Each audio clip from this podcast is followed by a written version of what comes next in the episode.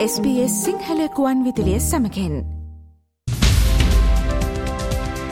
මවබිමින් පුවත් ඔස්ට්‍රේලියාවේ අද උදැස්ස නවද විට ශ්‍ර ලංකාවෙන් වාර්තාාවන ප්‍රධානතම පුවත් කිහිපය මෙන්න.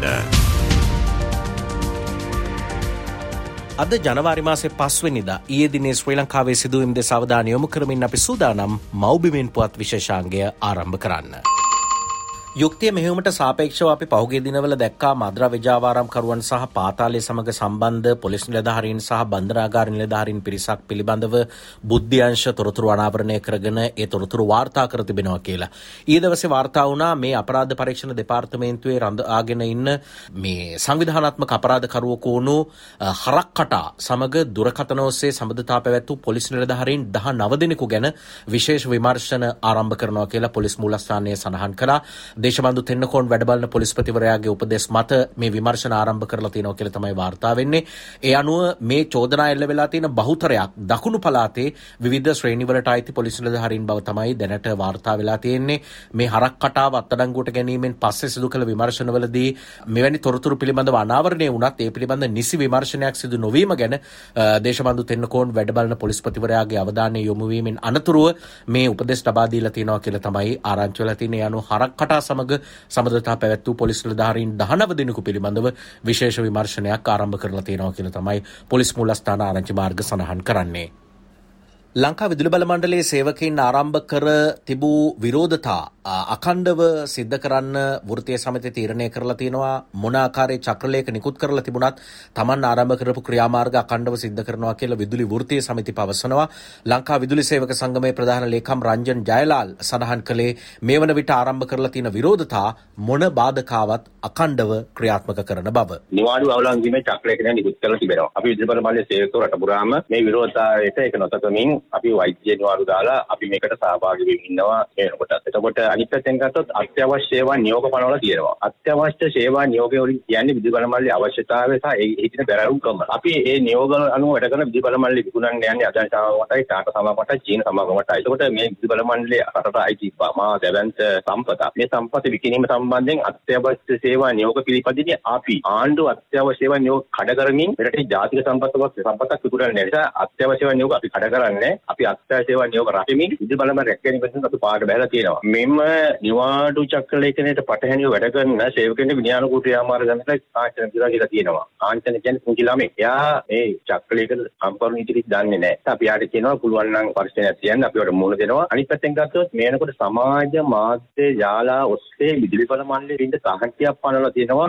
ඊಎಂ චක්‍රලෙන් නිකුත් කළා ඒවා පාවිච්චි කරන්න එපා විදුලි බල මණ්ඩලයේ තොරතුරු පිට යනවා. විදුලි බල මණ්ඩලයේ විකිණීමට දාලා තොරතුරු අපි පිටට දෙනවා. පුළුවන් නම් మొత్తం ඉදිරියේදී ජනාධිපතිවරණයක් ප්‍රකාශයට පත් කිරීම ඒ හරහා දේශපාලන පක්ෂ ඉදිරිපත් කරන අපේක්ෂකයින් විශේෂයෙන්ම ශ්‍රී ලංකා පොදු ජන පෙරමුණ පහුගිය සම්මේලනයේදී සඳහන් කළ ඔවුන්ගේ අපේක්ෂකයින් හතර දෙනෙක් පිළිබඳව සලකා බලනවා කියලා. ඊයේ දවසේ හිටපු ජනාධිපති මහින්ද රාජපක්ෂ මහතා මුණ ගැසුණු මාධ්‍යවේදීන් මේ පිළිබඳව මහින්ද රාජපක්ෂ හිටපු ජනාධිපතිවරයාගෙන් ප්‍රශ්න කරා. ඒ ඇතුළු ශ්‍රී ලංකා පොදු ජන පෙරමුණේ කාරණා වගේම වර්තමාන තත්ත්වයන් පිළිබඳව මාධ්‍යවේදීන්ට එලෙස මතු කළ ප්‍රශ්නවලට පිළිතුරු ලබා දුන් හිටපු ජනාධිපති මහින්ද රාජපක්ෂ මහතා. අවුරුදු ජයද අල්තාම ජයයි. කොහොමද මේ අවුරුද්ද බලාපොරොත්තු වෙන්නේ කොහොමද මුණ දෙන්නේ? අපි ලෑස්ති වෙනවා මැතිවරණ ඕනම් මැතිවරණයකට මුණ දෙන්න. මෙහෙම හිටව ජනතාවනේ දැන් වැට් එකත් එක්ක ජනතාව පොඩ්ඩක් කලකිරලා ඉන්නේ. දැන් අපිට ළඟදී දැන් ආරංචි තියෙන ජනාධිපතිතුමා ෂණිකව ආණ්ඩුව විසිරනවා කියන කතාව. ෂණිකව විසිරුවත් අපි සූදානම්. මේ මොහොතේ මේ වැට් එකෙන් දුක් විඳින ජනතාවත් එක්ක මැතිවරණයකට යන්න කොහොමද ඒක මේ නිකන් ඒකනේ රිස්ක් එකක් නෙවෙයිද ජන හිටව ජනතාව. අපි වැට් අඩු කරපු වෙලාවේ කොහොමද අපිට දුන්නේ? ඒතර දැන් කවුද මේ සාමාන්‍ය ජනාධිපතිවරණයක් වගේ ආවොත් එන් කවුරු වගේ අපේක්ෂකයෙක් දෙන්න පුළුවන්? මම නෙවෙයි. කීප දෙනෙක් දාලා තියෙනවනේ ඒකයි ප්‍රශ්නේ. ජේෂ්ඨයේද නැත්නම් පිටින්ම කවුරු හරි ගේනවද? බලමු බලමු මේ වෙලාවට. නම් කීපයක් වගේ කියනවනේ. ගොඩක් තියෙනවා. මම ඇර ජනවාරි මාසේ පළවෙනිද ඉඳලා එකතුලාගේ මත බද්ද එහෙම නැත්නම් වැට් බද්ද වැඩි කිරීම සම්බන්ධයෙන් බොහෝ දෙනා චකිතයෙන් හිටිය වගේම මේ වන විට වැට් බද්ද වැඩිවීම කියන හේතුව පදනම් කරගෙන බොහෝ භාණ්ඩවල මිල ඉහළ දමලා තියෙනවා. ඒක අනවශ්‍ය ප්‍රමාණයන්ගෙන් ඉහළ දැමූ බවකුත් වාර්තා වෙනවා. එය සනාත කරමින් Tamanටත් අනිසි ලෙස වැට් මත මුවාවී බදු වැඩි කිරීම පිළිබඳ පැමිණිලි ලැබී ඇතැයි කියලා කියපු වෙළඳ අමාත්‍ය නලින් ප්‍රනාන්දු ඒ වගේම එසේ මිල වැඩිවීම නොවිය යුතු බවටත් අදහස් පළ කලා මේ වැඩ්බදු වැඩිවීම හරහා බහන්්ඩවල මිල වැඩි කරන්න උත්සා කරන වෙළඳුන් පිළිබඳව අදහස් පළ කළ නලින් ප්‍රනාාන්දු වෙළඳ අමාත්‍යවරයා. සියලුම අතරමැදිව සහ නිෂ්පාදකයෝ බඩුමිල ඉහළ දාන්න කටයුතු කරලා තියෙනවා. දැන් උදාහරණයක් කිව්වොත් මට ඇමිල්ලක් ආවා සිමෙන්ති කොට්ටය රුපියල් 250කින් වැඩි වෙලා. රුපියල් 250කින් කිසිම සේත්ම වැඩි වෙන්න බෑ. ඒ 250කට වැට් එකක් ඒගොල්ලන්ට වැදිලා නැහැ. තව මම ඒ අය සමග මම බලාපොරොත්තු වෙනවා වහා මේ සමාගම් ගෙන්නලා අවශ්‍ය කටයුතු කරන්න. ඉතින් මේ තුල අපිට අමතර පීඩනයක් ඇති කරනවා. මේ අවශ්‍ය නැති ප්‍රචාරය ලබා දීම තුල වැට් සඳහා විශාල මිල වැඩිවීමක් වෙනවා කියන තිමුල අතරමැදිව සහ සමාගම් මේ මිල වැඩිවීම ඒත් සමගම ශ්‍රී ලංකාව පුරුද්දක් ලෙස බදු ගෙවන්න පුරුදු නොවීම නිසා රාජ්‍යාදායම අඩුවනා වගේ මේ පුරුද්ද ඇති කිරීම හරහා රාජ්‍යාදායම් වැඩිකර ගැනීම මගින් ඉදිරි වසර කිහිපය තුළ දෙදස් විසිහතර වසරේ ඉදිරි මාස කිහිපය තුළ ඒ ඉලක්ක සපුරාගෙන යම් මේ තියෙන තත්වයෙන් සහනදායි තැනකට අරංයන්න රජයේ හැටියට බලාපොරොත්තු වෙන බවත් නලින් ප්‍රනාන්දු වෙළඳ අමාත්‍යවරයා සඳහන් කළා. පළවෙනි කාර්තු දෙදස් විසි අතර අපේ අප්‍රියල් වෙද්දී අපි දෙදස් විසි අතර සම්පූර්ණ ඉලක්කං තාමත් සාර්ථකව ළඟා කරගන්න පුළුවන් විදිහට තමයි අපි සැලසුම් කරලා තියෙන්නේ. 2024 දී මේ තියෙන පර බොහෝ දුරට 175ක් විතරම අඩු වෙන්න අවස්ථාව ලැබෙනවා. මොකද හේතුව අපි මේ රටේ පහුගිය අවුරුදු කීපයක් මේ රටේ බදු ගෙවන්න එහෙම නැත්නම් බදු රටේට ලබා දෙන්න පුරුදු වෙච්ච හිටපු ජාතියක් නෙමේ. ඒ නිසා අපි මේ වැඩපිළිවෙල අපි පුළුවන් තරම් රාජ්‍ය ආදායම වැඩි කරගන්න කටයුතු වලට අපි ප්‍රමුඛත්වය ලබා දුන්නා. ඊයේ දවසේ ජනාධිපති රනිල් වික්‍රමසිංහ මහතා යාපනයට ගියා. සිව්දින නිල සංචාරයක් සඳහා යනුව අද දිනෙත් ඔහු යාපනයේ ප්‍රදේශයේ ගත කරන්නේ.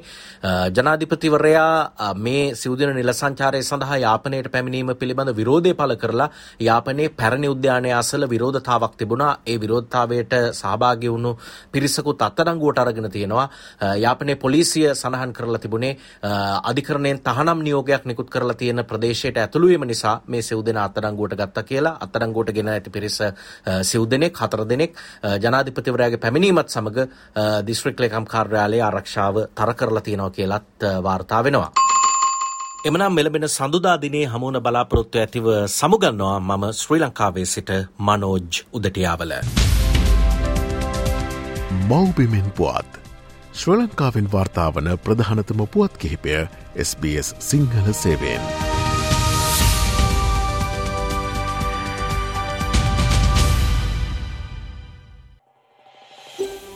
මේ වගේ තවත්තොරතුරු දැනගන්න කැමතිද.